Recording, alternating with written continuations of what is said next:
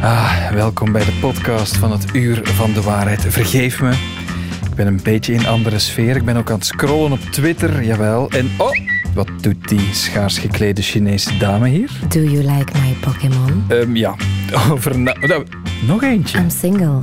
Can I get a husband on Twitter? Ah, Enfin, nog eens. Your mouth and my mouth kiss. Het uur van de waarheid.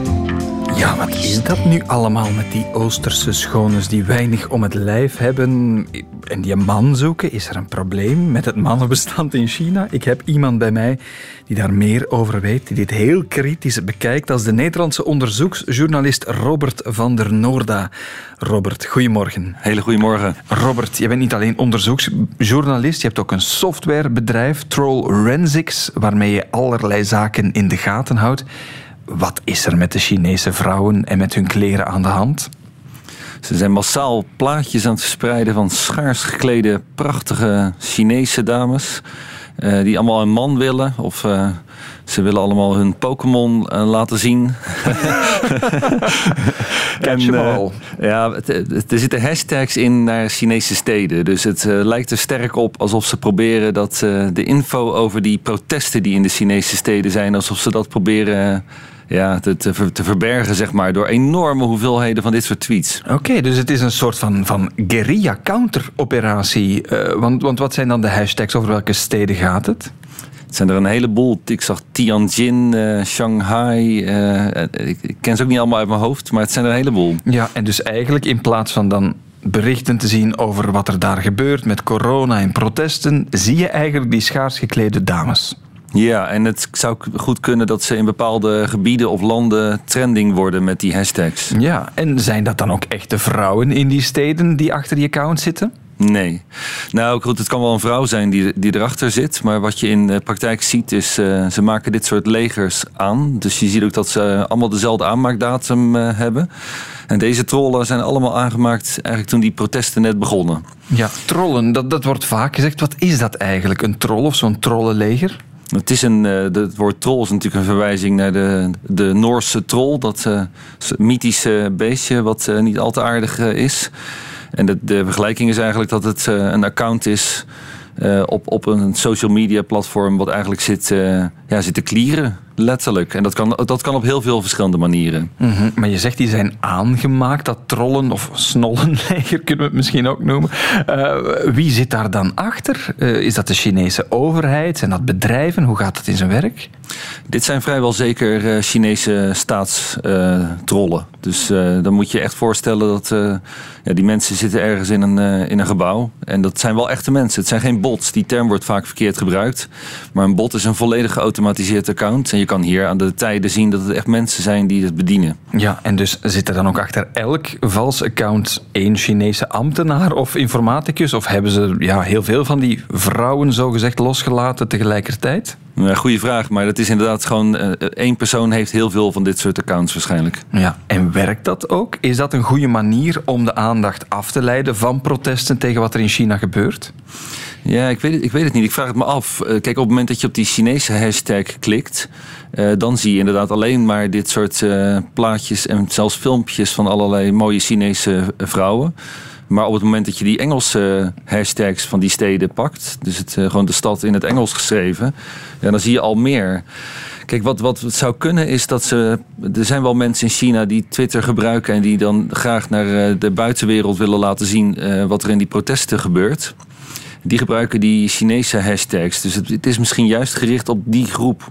Ja, op de, op de, de mensen binnen China die eigenlijk dingen naar buiten willen brengen. Want ik dacht dat dat ook onmogelijk was. Op Twitter gaan vanuit China, dat dat een grote moeilijkheid is, dat daar hindernissen voor zijn. Ja, het is verboden, het medium. Ik weet ook niet, het schijnt niet zo heel veel gebruikt te worden, maar daar heb ik geen exacte cijfers over. Dus ik kan niet zeggen hoeveel mensen in China Twitter daadwerkelijk gebruiken. Het kan technisch wel, maar dan moet je dus een, eh, een VPN-verbinding eh, hebben. Nou, dat kan op je telefoon. Je kan zo'n VPN-appje installeren en dan kan je het wel degelijk eh, gebruiken. Ja, dat is een soort technische omleiding dat je eigenlijk via andere, andere servers gaat. Heb je wel cijfers over die Chinese vrouwen, die, die trollen, die proberen ja, de berichtgeving te kapen? Hoeveel van die foto's zijn er opgedoken? Ja, dat loopt in de, in de echt duizenden en duizenden. We, we, zijn, uh, we hebben tussen 27 november en 29 november, uh, nog geen 48 uur, hebben we die, die tweets binnengehaald. En toen hadden we er al, ik ben op een gegeven moment gestopt, want ik werd helemaal knetter ervan. hadden we er al 115.000. Oh. En dat zijn allemaal dezelfde foto's dan ook, die ook terug nee, opduiken? Nee, nee dat, uh, ik, ik heb een enorme collectie uh, inmiddels. ik, eindelijk heb ik een excuus, kan ik tegen mijn vrouw zeggen. Ja, ik ben voor mijn werk, ben ik al die mooie Chinese vrouwen aan het kijken. Ja, het is toch ook een beetje Pokémon-kaarten verzamelen. nu, we zijn heel lang over China bezig, want zij komen daar deze week mee naar buiten. Je zegt de Chinese overheid zit daar, daar onmiskenbaar achter. Andere landen gebruiken ze dat ook, andere regimes? Ja, ik heb... Uh, uh, jarenlang met name Russische trollenlegers uh, geanalyseerd. Die vind ik nog steeds weer, weer nieuwe. Dat doe ik al acht jaar, ruim ja. acht jaar. Maar ik heb ze ook uh, gevonden in, in het Midden-Oosten, in Afrika, in Duitsland, in Engeland, in Frankrijk, noem het maar op. Je kan ze eigenlijk in alle landen wel vinden. Ja, en dat gaat dan altijd uit van een organisatie van de overheid zelf? Mm, het wisselt. Het is soms ook wel eens één persoon die erachter zit. Dus uh, iemand kan ook zo'n ding aanmaken en al die, die accounts automatiseren. Dan wordt het wel een bot. Maar dan, dan kan je zien dat al die, uh, zelf, die trollen op dezelfde tijden die tweets sturen. Dus mm -hmm. dan krijg je, is het patroon is, is, is identiek. Dan weet je zeker dat het een bot is. Ja, je zei, ik heb dat jarenlang ook al, al, of ik doe dat al jarenlang voor Rusland. Je hebt daar ook gewoond en gewerkt. Rusland is natuurlijk ook ja, sinds begin dit jaar verwikkeld uh, in ja, een oorlog met Oekraïne, waar ook informatie en desinformatie een belangrijke rol speelt. Worden daar ook trollenlegers ingezet? Ja, je ziet dus uh, dat vanaf het moment dat die oorlog start, worden er ook weer nieuwe aangemaakt. Het goede nieuws is wel overigens dat omdat het. Ja, goed, het is wel wat weggezakt. Ik bedoel, in het begin was er veel meer info over dan, dan nu. Alleen. Je, je ziet dat het percentage propaganda uh, in, in, verhouding lager is dan, dan voor die oorlog. En dat komt gewoon omdat er vreselijk veel mensen, ook gewoon heel gerenommeerde journalisten, erover tweeten. En dan uh, neemt het percentage uh, af, feitelijk. Mm -hmm. Dus, dus die, die, de hoeveelheid disinfo is procentueel gezien minder nu. Ja, want hoeveel trollen-accounts toekoer zijn er wereldwijd, denk je, op dit moment? Um, ik, ik, denk een paar miljard. Als je verschillende platforms bij elkaar veegt. Ja, dat is meer dan de wereldbevolking misschien, of, of evenveel. Hoe, hoe weten we dan als gebruiker van al die platformen ja, of het nu om een troll gaat, of om een echt persoon, of een, of een instantie. Heb je tips om daarmee om te gaan? Nou, kijk, op het moment dat je uh, op een trending topic klikt, bijvoorbeeld als je Twitter gebruikt, en je ziet dan allemaal tweets met, uh, met dezelfde tekst. Uh, bijvoorbeeld, dat is wel een indicatie dat er iets raars aan de, aan de hand is. Soms is het heel vaag waarom iets uh, viraal gaat. Maar het blijkt in de praktijk best wel lastig te zijn om dat te doen. Ik denk dat het goed is dat journalisten zoals ik, en er zijn er nog veel meer, dit soort dingen onderzoeken. Dan ziet de burger ook van hoe die eigenlijk voor de gek gehouden wordt door dit mm -hmm. soort accounts. Ja, want jij hebt software ontwikkeld uh, die ook ja, bedrijven en de Nederlandse overheid inzet om desinformatie te bestrijden. Hè? Hoe zit dat? Nou, dat, je, kijk, je kan het. Het is eigenlijk een soort maatschappelijk verantwoorde manier om dit soort data-onderzoek in uh, te zetten. Dus je kan bijvoorbeeld, uh, we hebben in die coronaperiode bijvoorbeeld uh, op zeer grote schaal uh, antivax-info onderzocht en uh, corona-propaganda. En op dat moment kan je als, als overheid heel simpel kan je gaan richten op dat soort onderwerpen. En dan kan je dus bijvoorbeeld ook je twijfelaars naar beneden krijgen. Je kan het ook gebruiken bijvoorbeeld om hate speech uh, op te sporen. En dan uh, hopelijk in samenwerking met dit soort platformen uh, dat soort accounts uit te, te schakelen. En, en hoe, hoe heeft dat dan die twijfelaars kunnen ja, overhalen? Of hoe werkt dat dan juist? Nou, stel dat er worden heel veel. Een van de narratieven die vreselijk veel verspreid werd, is: je bent met twee jaar, als je dat vaccin neemt, dan ga je dood. Mm -hmm. Ja, goed, dan kan je gewoon gerenommeerde bronnen gebruiken om te laten zien dat, je, dat er helemaal geen enkele indicatie is dat we allemaal doodgaan over twee jaar. En dan bereik je op een gegeven moment wel die mensen. Op het moment dat je dan Twitterkanalen, websites, filmpjes maakt, uh, overheid.nl, ik noem maar, maar. Dan kan je dus de Nederlandse bevolking laten zien dat het toch anders in elkaar zit. -hmm. En in het geval van de Chinezen, om dan terug naar ons startpunt te gaan, zouden we misschien foto's van de echte verspreiders in plaats van de vrouwen op Twitter moeten zetten. Om duidelijk te maken dat het dus een afleidingsmanoeuvre is van een trollenleger. Om uh, toch zeker niet alleen naar buiten te laten komen over die steden en die hashtags, wat er echt gebeurt. Robert van der Noorda bij ons vanuit Nederland. Dankjewel om even bij ons te zijn. Dankjewel. Het uur van de waarheid. Als je deze week op eh, sociale media bent geweest, ook al is het maar heel even, dan is de kans groot dat je heel veel festivalaffiches gezien hebt. Een nieuwe app, Instafest, maakt op basis van jouw luistergedrag op Spotify een festivalaffiche met al je favoriete artiesten. Ik heb er ook eentje laten maken. Ah, Bruce Springsteen, headliner op dag 1. Dure vogel, maar misschien kan ik hem wel betalen. Wat stond er nog op? Ja, Guilty Pleasure, Eros Ramazzotti. Zuiderse Feel. Johnny Cash. railroad Wordt iets moeilijker om die man te boeken. En mijn kinderen gebruiken Spotify ook, dus ik zit met heel veel leuke dingen zoals Like Me. Maar we geven heel veel prijs aan apps en ook op sociale media over ons gebruik, dingen die we moeten goedkeuren, toestemming voor camera's, voor microfoons. Is dat allemaal wel slim? Dorien van Meldert van onze redactie is hier. Dorien, een hele goede morgen. Goedemorgen. Dorien, dat Instafest, laten we daarmee beginnen. Die hype van afgelopen week, al die festivalaffiches. Ja, is dat allemaal kosher qua privacy? Veel mensen hebben zich dat afgevraagd hè, de afgelopen dagen. Nu, ik ben eens gaan kijken naar de privacyverklaring op de website van Instafest. En die ziet er eigenlijk wel best oké uit. Daar eh, leggen ze uit dat ze enkel jouw Spotify-gebruikersnaam ehm, gaan eh, opvragen, maar ook uiteraard de meest beluisterde artiesten op jouw Spotify-account. Maar ze beloven ons wel dat die data voor de rest niet verzameld of bijgehouden wordt of doorverkocht wordt aan andere partijen die bijvoorbeeld advertenties op jou zouden willen afsturen. Dus eigenlijk zou het oké moeten zijn. Maar uiteraard zijn er wel in het verleden al apps geweest die minder gevoelig omgingen met onze data. Ja, dus dit is wel oké en voor eenmalig gebruik. Als we dan toch even bij Spotify blijven. Je hebt ook nog andere lijstjes die Ja. deze dagen opduiken. De Spotify Wrapped, jouw persoonlijk overzicht, statistieken, wat je het vaakst hebt beluisterd. Mhm. Mensen delen dat ook opnieuw. Is dat slim? Op zich wel, hè. het is eigenlijk een beetje hetzelfde als die Instafest. Ze gaan gewoon eigenlijk tonen naar welke artiesten jij het meeste luistert, wat jouw meest beluisterde lied van het, van het jaar, afgelopen jaar is.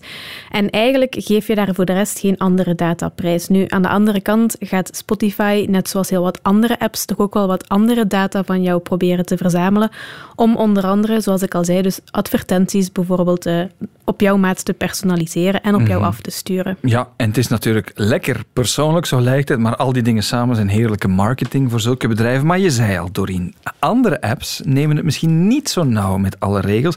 Ik denk bijvoorbeeld aan de vele apps waar we foto's voor moeten delen om ons ouder te maken, om ons te laten zingen. Ehm, er was zo'n app, een tijdje geleden. Ja, een drietal jaar geleden, in 2019, had je de Face-app. Die bestond toen al even, maar werd toen opeens heel populair omdat heel wat BV's, maar ook eh, internationale beroemdheden die opeens gebruikten. En wat doet die app precies? Je laat daar eigenlijk gewoon een foto van jezelf van een, of van een vriend in op. En die gaat dan eh, eigenlijk die foto zo bewerken dat het lijkt alsof je opeens 30 jaar ouder of zelfs nog ouder bent. Dus ze laat jou zien hoe je er als bejaarde persoon uitziet.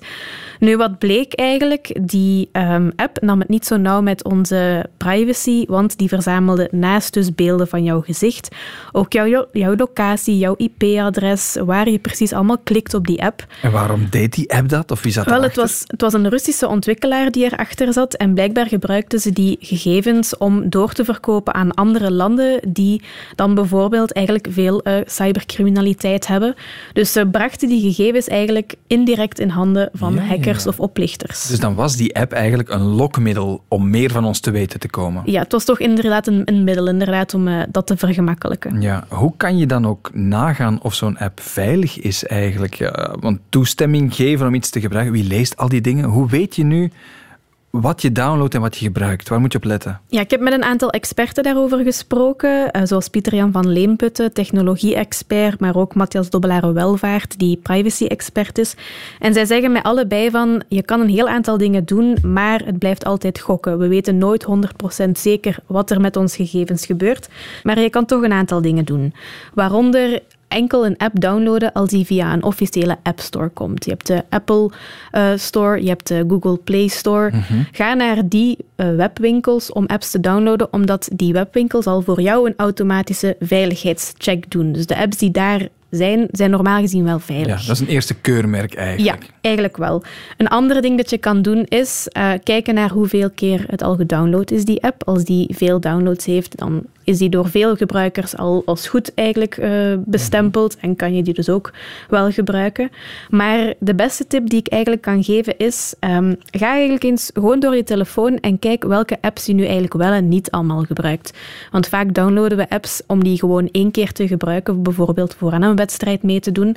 Maar die app blijft dan wel op, de, op je telefoon staan, terwijl ja, die heeft, je hebt die helemaal niet meer nodig. De gegevens die die app nu aan het opslaan is, dat is allemaal nutteloos. Dus ga gewoon eens door die uh, telefoon en verwijder gewoon de apps die je niet of nauwelijks nog gebruikt. Weer veiliger. Oké, dat al voor de app op zich. Maar vaak in die apps moet ik dan toestemming geven van je kan deze app gebruiken, maar mag ik je microfoongegevens hebben, je cameragegevens, je locatiegegevens?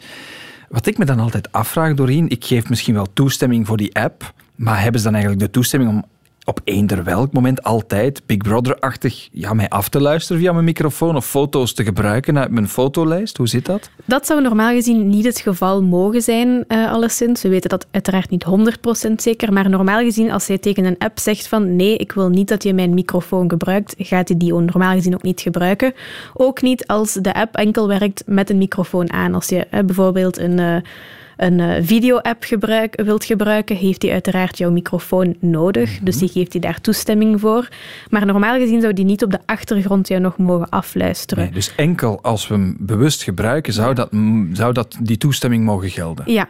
Nu, ik heb al wel van vaak mensen gehoord, ook bij mezelf uh, voorbeeld. Bijvoorbeeld heb ik gezien dat als ik met vrienden praat over uh, prinskoeken... Doe je dat vaak? Ja, ik vind ze wel heel lekker, de okay. prinskoeken. Dan zag ik daarna opeens na het gesprek advertenties van die koeken op mijn Instagram bijvoorbeeld. Oeh, creepy. Uh, nu, Pieter-Jan van Leemputten heeft mij verteld dat dat vaak eigenlijk toevallig is, dat dat niet zou komen door afluistertechnieken, maar door een algoritme dat net probeert in te spelen op wat vind jij interessant en wat vinden jouw vrienden online interessant. En als zij dan bijvoorbeeld al prinskoeken hebben opgezocht, kunnen ze jou dus ook die advertenties geven. Oké, en dat heeft dan weer niets te maken met de cookies die we ook nee, waar dat zijn heel andere voor moeten geven.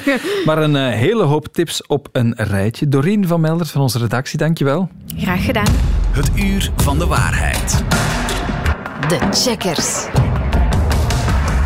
Het wordt altijd een beetje spannender in onze redactie wanneer hij er is, de man die elke week de zin van de onzin scheidt en de meest opmerkelijke verhalen over factchecking heeft meegebracht. Luc van Bakel, goedemorgen. Goedemorgen, Dennis. De Belgen, ik zei het er straks al, liggen uit het WK voetbal. Daar hebben we geen check voor nodig. We kunnen dat ook niet ongedaan maken, maar heel opmerkelijk.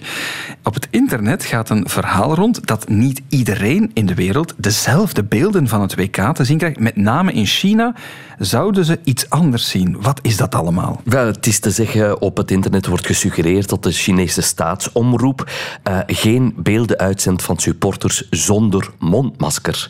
Um, heeft natuurlijk alles te maken met het zero-covid-beleid daar, maar is het ook uh, waar? Worden supporters zonder mondmasker dus niet op televisie getoond in China? Dat uh, onderzocht Amra Dorjbayar. Dat klopt helemaal. we hebben dat zelf onderzocht door de officiële FIFA-uitzending te vergelijken met de uitzending op de Chinese staatstv. En daaruit is het heel duidelijk gebleken dat alle beelden waarin dat uh, supporters op de tribune te zien is, die aan het juichen en aan het supporteren is, systematisch vervangen worden met uh, andere beelden.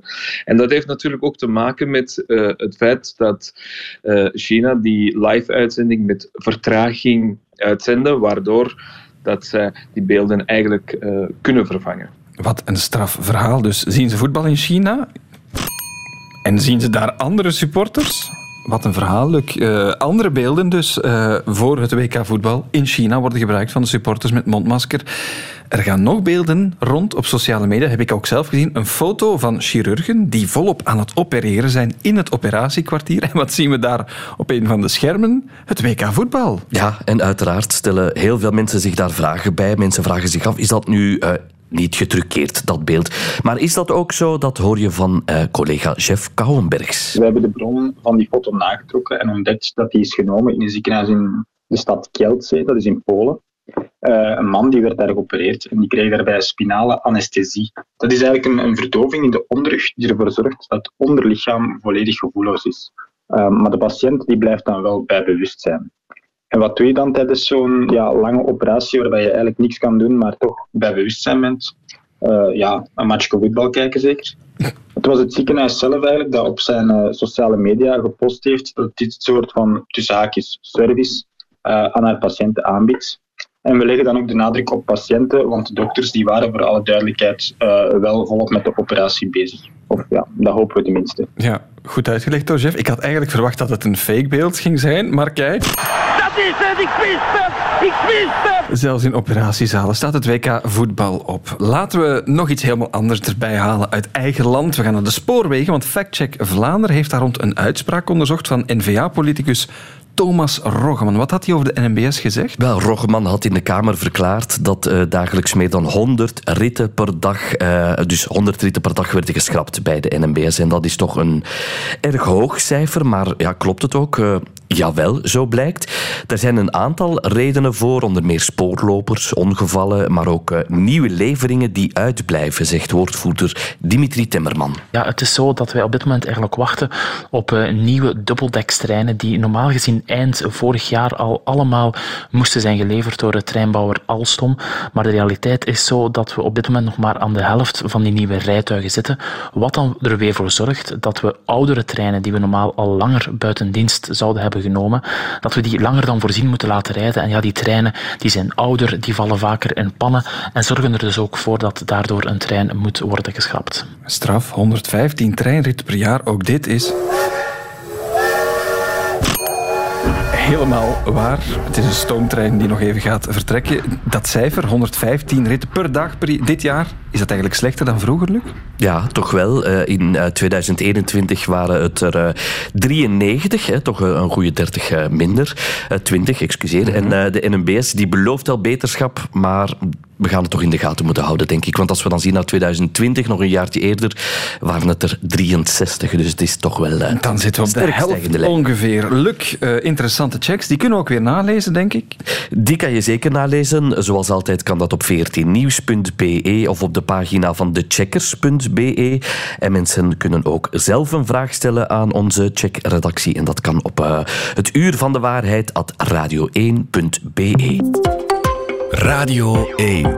Het uur van de waarheid. Dag op dag, 33 jaar geleden, op 3 december in 1989, vond er een symbolische ja, topplaats in Malta waar en George Bush senior en Gorbachev, de toenmalige president van de Sovjet-Unie, symbolisch het einde van de Koude Oorlog officieel bekend maakte. Geen echte akkoorden hier op Malta. Dat was, zegt men nu, ook nooit de bedoeling geweest. Maar er zijn belangrijke principesverklaringen geuit. We have tried to act with the word that President Gorbachev uh, is used to not to go demonstrating on top of the Berlin Wall.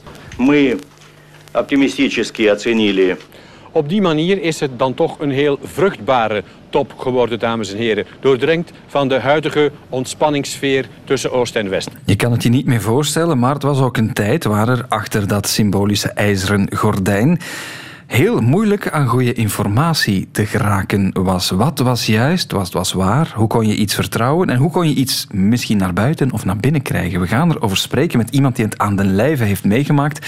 Rita de Pestel Martinowski. Rita, een heel goedemorgen. Goedemorgen. Rita, Jij hebt in Polen gewerkt en gewoond. In welke periode zitten we dan? Dat was van 1978 tot 1981. En wat deed je daar? Hoe was je in Polen beland?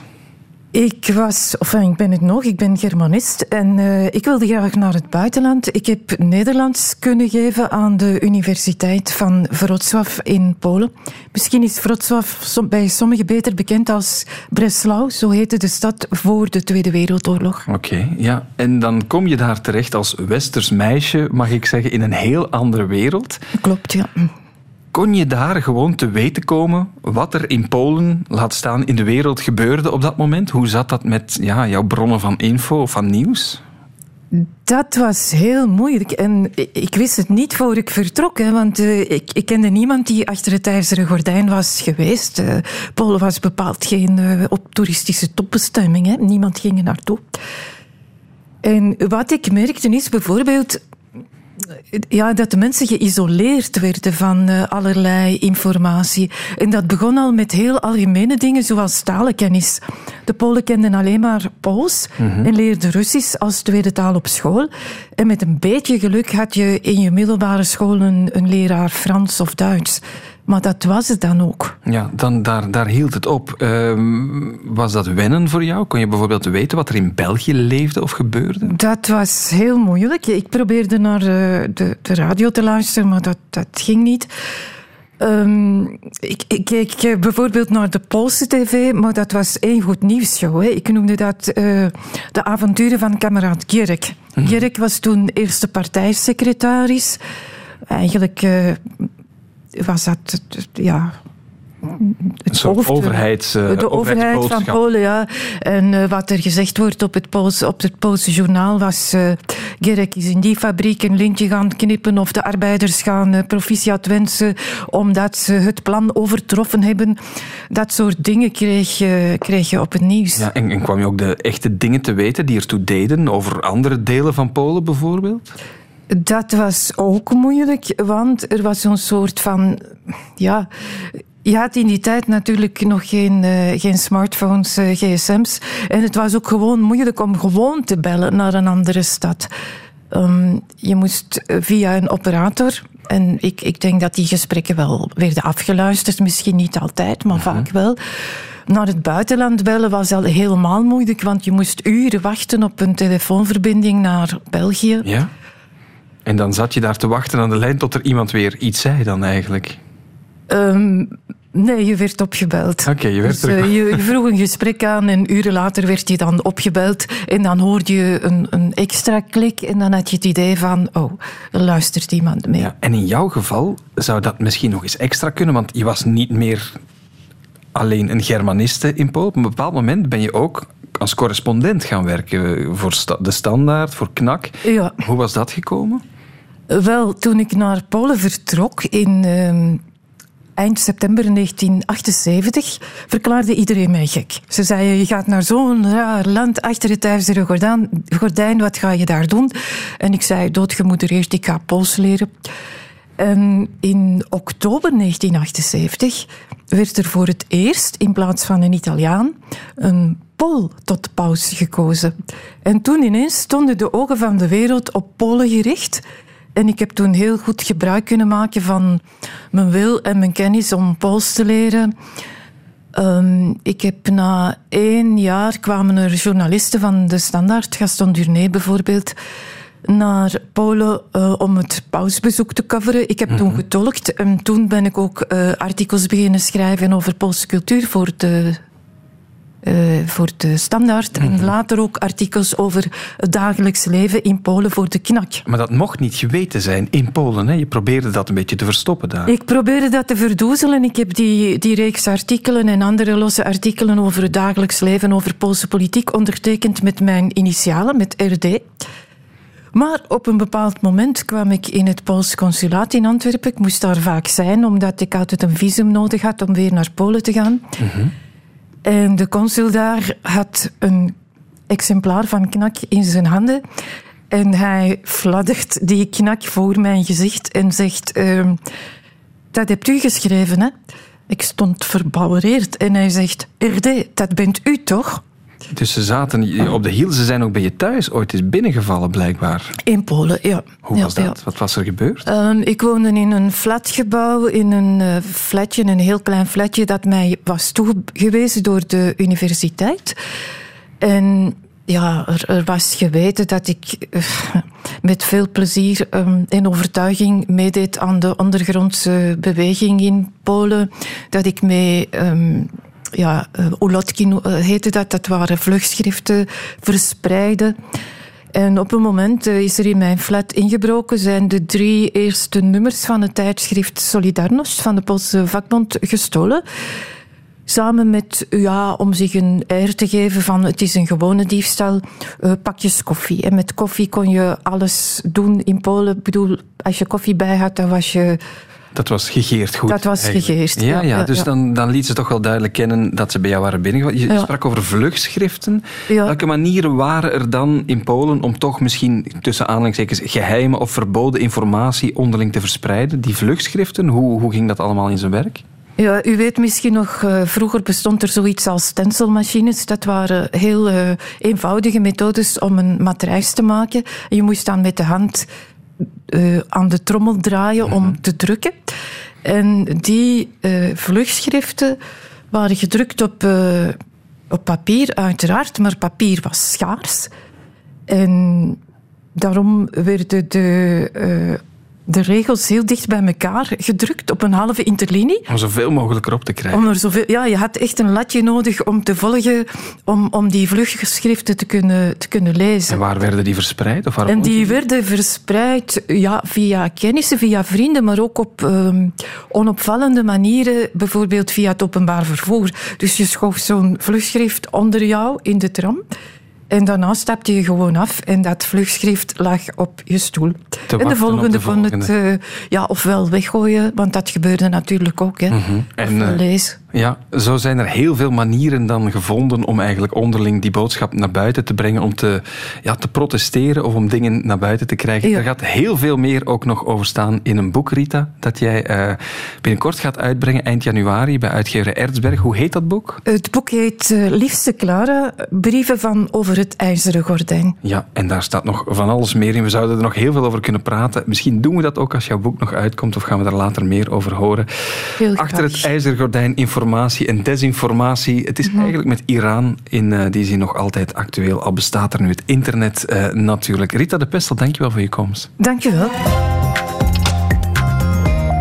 Radio 1. En nog een eh, goede tv-tip, want Tim Verheijden, een vaste klant hier, collega op de redactie, die pakt uit met een tweedelige documentaire die begint op 8 december, dat is donderdag, op Canvas en die heet Fake News en ik.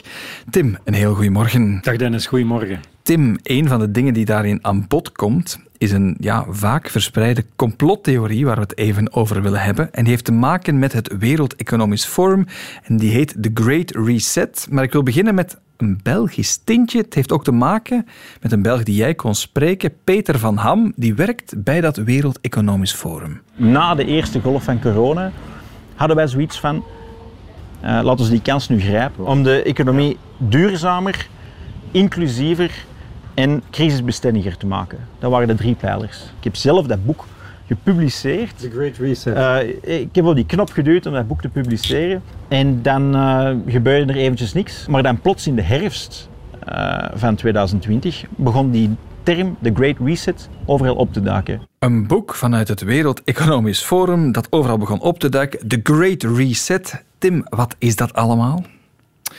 Ja, je moet weten, Dennis, The Great Reset, dat is inderdaad een boekje uitgegeven door het Wereld Economisch Forum, een internationale lobbygroep, om het zo heel kort samen te vatten. Maar je moet weten dat die complottheorie pas eind 2020 is, is razendsnel online begint te circuleren. The Great Reset, het boekje dat, dat Peter gedrukt heeft, inderdaad, dat had eigenlijk eerst een hele andere naam. Echt een super saaie naam, ik ben hem zelfs al vergeten. En het was inderdaad een visie op hoe we ja, de coronapandemie nu zouden moeten aangrijpen om toch inderdaad de economie duurzamer te maken. Maar dat marcheerde eigenlijk voor geen meter, om zo te zeggen. En dan kwam iemand met het idee, laten we dat de Great Reset noemen. Dat werd dan de Great Reset genoemd. En plots wordt, dat, wordt die term gekaapt eigenlijk onder meer ja, door complotdenkers, door de Amerikaanse alt-right en nog een aantal andere figuren. En dat gaat viraal. En nu zegt men eigenlijk in die complottheorie dat corona, de coronapandemie, gebruikt wordt door een globale elite om ons allemaal eigenlijk slaaf te maken van een, van een communistisch systeem, om het kapitalistisch systeem af te schaffen en ons allemaal te onderwerpen aan een nieuw economisch systeem. En afhankelijk van wie het hoort, hoor je wel eens zeggen dat ja, de vaccins onder meer gebruikt worden om mensen slaaf te maken, om mensen te volgen enzovoort. Dus je ziet eigenlijk dat een tekst, The Great Reset, die effectief bestaat, op heel extreme manier toch gekaapt wordt. En die tot op de dag van vandaag een theorie die razend populair blijft, met ieder zijn eigen invulling, zou ik bijna zeggen. Ja, zijn er ook bekende verspreiders van? Wel, je hebt bijvoorbeeld in Nederland de Nederlandse politicus Thierry Baudet, die ook wel eens hashtag The Great Reset tweet of daarmee berichtjes de wereld instuurt. Dat is misschien toch wel het meest bekende voorbeeld uh, dichtbij. Uh, maar je hebt internationaal heb je ook nog altijd mensen die daarop zinnen spelen, natuurlijk op The Great Reset. Eigenlijk is alles wat er vandaag gebeurt is volgens sommigen een, een uiting van de Great Reset. We hebben het nu onlangs in het nieuws over de, de digitale euro die eraan komt. Dan zeggen ah, de mensen, nou ja, kijk, de digitale euro, we moeten allemaal slaafs een systeem volgen. De dood van koningin Elisabeth in Engeland was voor velen een uiting van de Great Reset. Want wie heeft onder meer nagedacht of wie is nou betrokken bij het Wereld Economisch Forum? Voormalig Prins Charles, huidige koning Charles natuurlijk, om maar te zeggen van kijk, de Queen sterft, voilà. De volgende fase in de Great Reset is, is aangekomen. En waarom klopt dus dat allemaal niet? Want, want... Nee, Nee, nee dat, dat klopt niet. Je kan, je moet, het probleem is met dat complotdenken dat dat eigenlijk het kritisch denken over een visietekst die toch misschien wel wat impact heeft, want het Wereld Economisch Forum heeft impact, is een lobbygroep. En heel dat complotdenken staat dat kritisch denken of die documenten is, of die teksten is kritisch benaderen eigenlijk compleet in de weg. Maar klopt het? Nee. Uiteraard gebeurt er van alles op, op politiek niveau, op het hoogste niveau, achter de schermen en wordt er gelobbyd. Maar er is geen sprake van een complot waarin dat de oprichter van het Economisch Forum, Klaus Schwab, als een soort van Dr. Evil fungeert natuurlijk.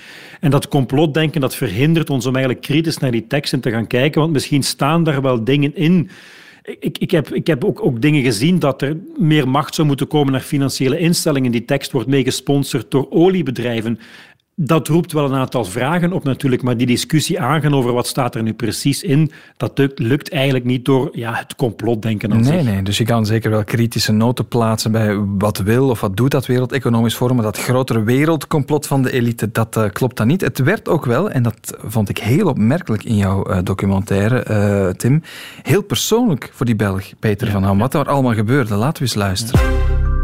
En ik heb dat dus in Vlaanderen in bepaalde instanties gezien, met bepaalde gekkies. Dus effectief zijn beginnen kijken naar mij en naar mijn familie. In het bijzonder is zo dat, uh, dat het toeval toch wel niet wil dat mijn vader viroloog is. En op een bepaald moment zijn mensen dan gaan beginnen geloven dat mijn vader ook mee in dat zogezegde complot zat. En dan zijn mensen beginnen kijken naar waar wonen die mensen? Wie is er nog deel van die familie? Ik weet waar die mensen wonen. Uh, en is het ook zo geweest dat mijn broer en mijn zus bijvoorbeeld uh, effectief op, uh, op Facebook zijn geconfronteerd geweest met mensen die hebben geuit van wij willen nu iets aandoen. Ja, dan weet je wel niet meer aan welke takje dat je nog moet, van welke boom dat je nog moet, moet vasthouden, want dan weet je ook niet waar het eindigt natuurlijk. Hè. Dat gaat wel ver, Tim, op wat er allemaal ja. gebeurt was best een intense periode voor, uh, voor Peter, uh, inderdaad. En, plots word je dan het, middelpunt van zo'n aantal vragen. Toch zelfs zijn eigen vrienden geloofden op een gegeven moment niet meer dat hij, dat hij niet betrokken was in een complot. Er moest toch veel meer achter de coronapandemie zitten natuurlijk. En hij zei tegen mij... Ja, damn if you do, damn if you don't. Daarmee willen zeggen van kijk, wat ik ook deed, wat ik ook probeerde om niet te reageren, om er tegenin te gaan, om bewijzen op tafel te leggen. Ik werd op een gegeven moment, en eigenlijk tot op de dag van vandaag, nog altijd niet geloofd door een aantal mensen, ook mensen die dicht bij, bij mij stonden. En ja, ik vind, het, ik vind het best wel moedig dat, dat Peter daarover getuigt. Hij was tot voor kort eigenlijk de rechterhand van Klaus Schwab en het is niet evident om in een in een, in een, zeker in een online wereld waar de Great Reset nog heel hard gaat, om, om daarmee met dat verhaal naar buiten te komen. Mm. Trouwens, Dennis, een kleine anekdote.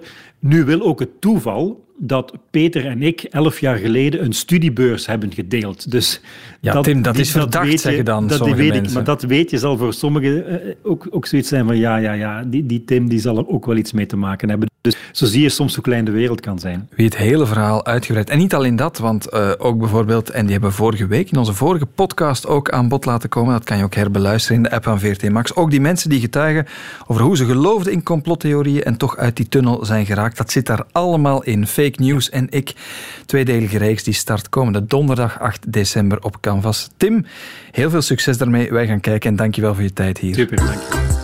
En daarmee zit ook deze podcast van het Uur van de Waarheid er weer helemaal op. Heeft ons gebracht van China over Polen en het IJzeren Gordijn tot bij je eigen Insta-festival. Wil je meer afleveringen van het Uur van de Waarheid ontdekken? Dat kan op één adres. Dat is in de app van VRT Max. En zoals je weet is dat alles behalve... Fake news, fake news. There's never been an innovation that's so easy to do. They used to be lies, now they're alternative truths. So if you fake it with me, I'll fake it with you. Yeah. This song.